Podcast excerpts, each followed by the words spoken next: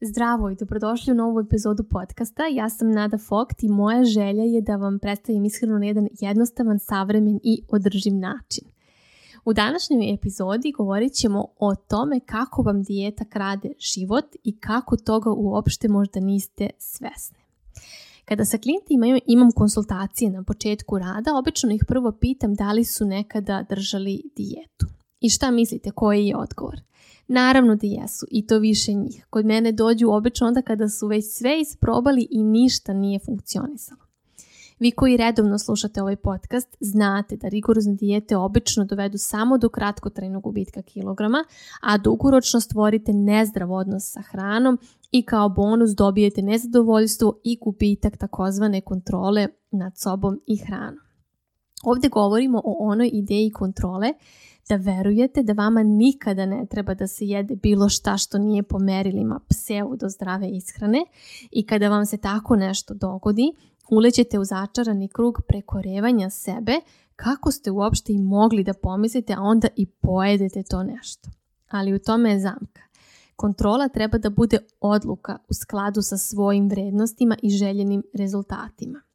To bi bilo ovako. Stavio vas neko u prostoriju punu raznoraznih slatkiša i vi zbog vrednosti koje gajite nećete navaliti na sve što je oko vas samo zato što je oko vas, već ćete doneti svesnu odluku da li ćete ili nećete i koliko ćete nečega jesti u skladu sa svojim vrednostima.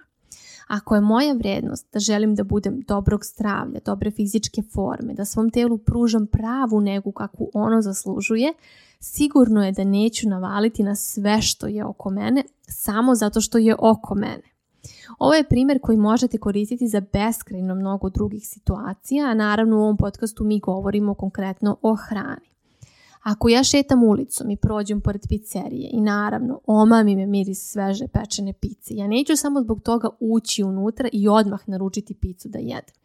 Ili ja neću jesti do besvesti bombonjeru koju sam dobila na poklon samo zato što ja sada imam u kući i tu mi u fioci na dohvat ruke ješću kada mi se zaista jede.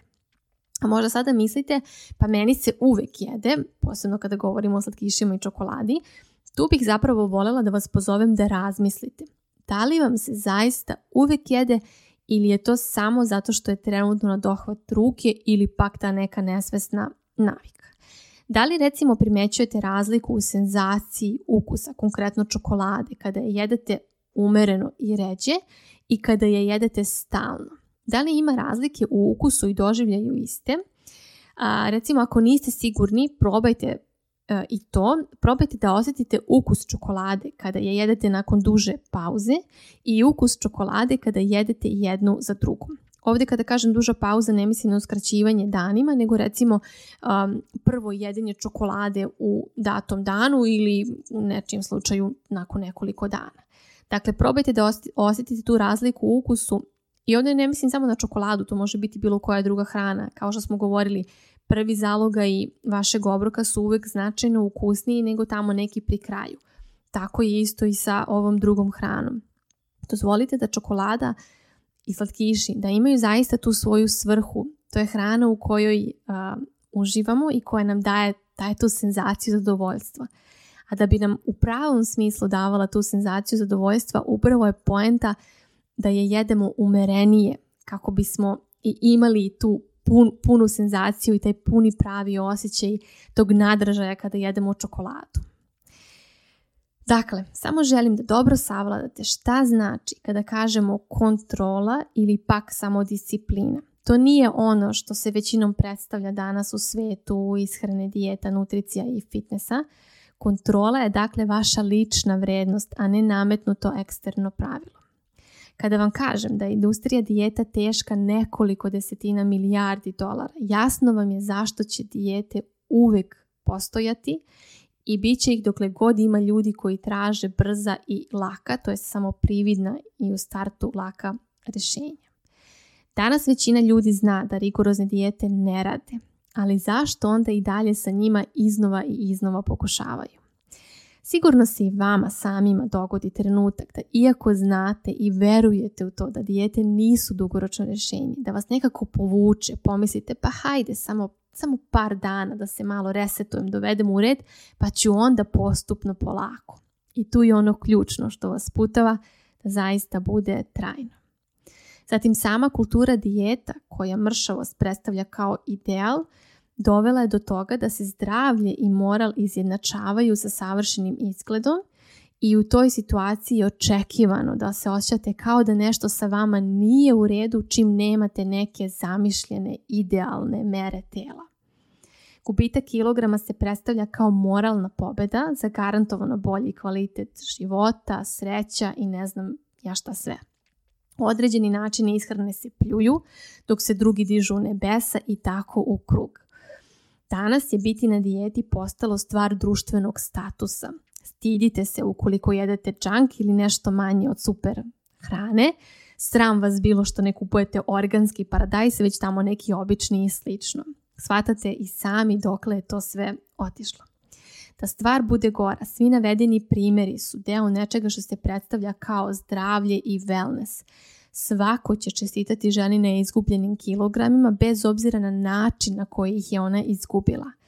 Pre će preuzeti njen recept nego što će se zapitati da li ih je na zdrav način izgubila. I zapravo najvažnije kako se ta žena osjećala i kako se sada osjeća, kakav je njen odnos prema hrani, prema svom telu. To što neko smrša uopšte ne mora da znači da vodi računa o svom telu.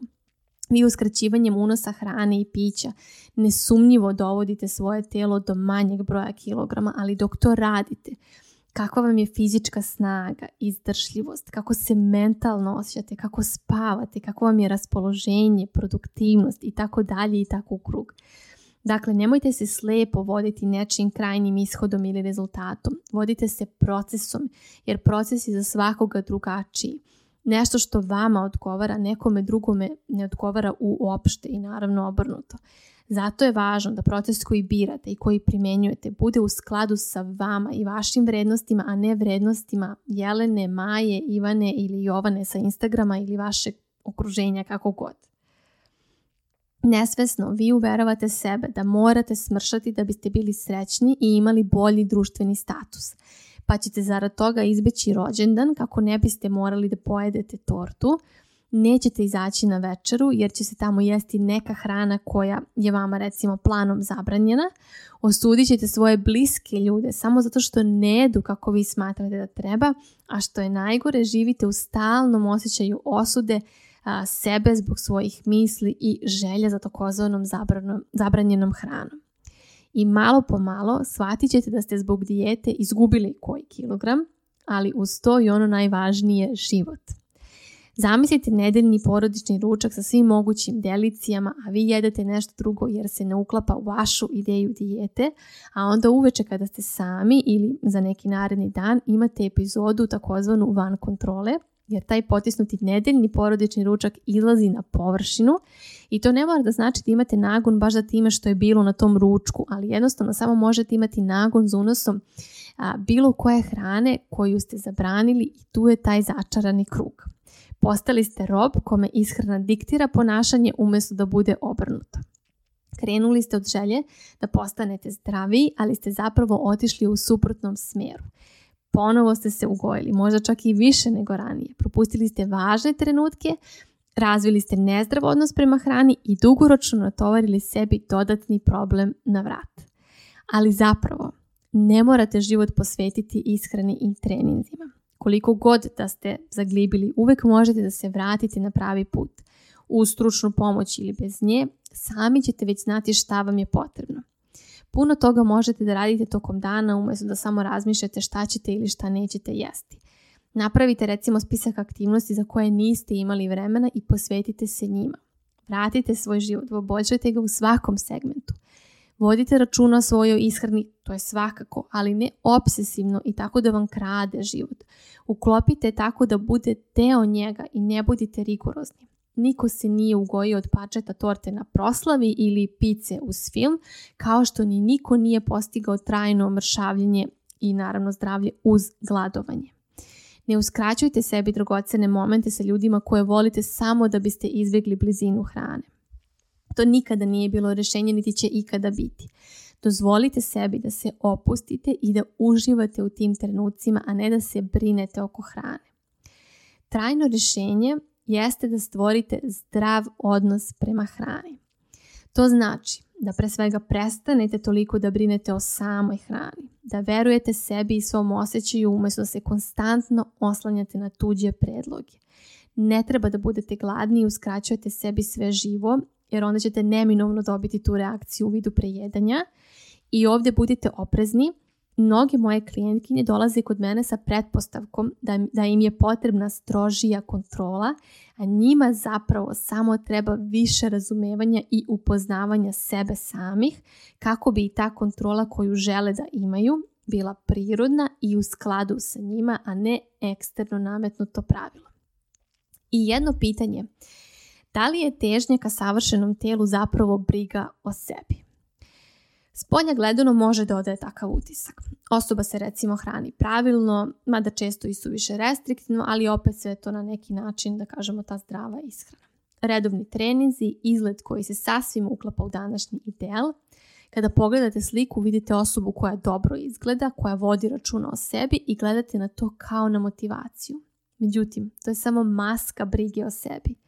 Težnje ka savršenstvu, odnosno perfekcionizam, nije ništa drugo do nesigurnost, samo malo lepše upakovana. Briga o sebi nije nezasita želja za spoljašnjom validacijom i aplauzima, već pre svega praćenje signala sobstvenog organizma. A organizam samo želi da bude zdrav, njega savršenstvo ne zanima. Pre svega jer je savršenstvo nedostižno, a njegov cilj nikako nije impresioniranje mase svojim izgledom i takozvanom superdisciplinom. Briga o sebi je i kada pojedete tu krofnu jer vam se jede i kada preskočite trening jer se osjećate preopterećeno i umorno. A posebno je briga o sebi kada po svaku cenu ne pratite standarde koji vam nalažu kako treba da izgledate da bi vam neko rekao wow kako ova žena dobro izgleda.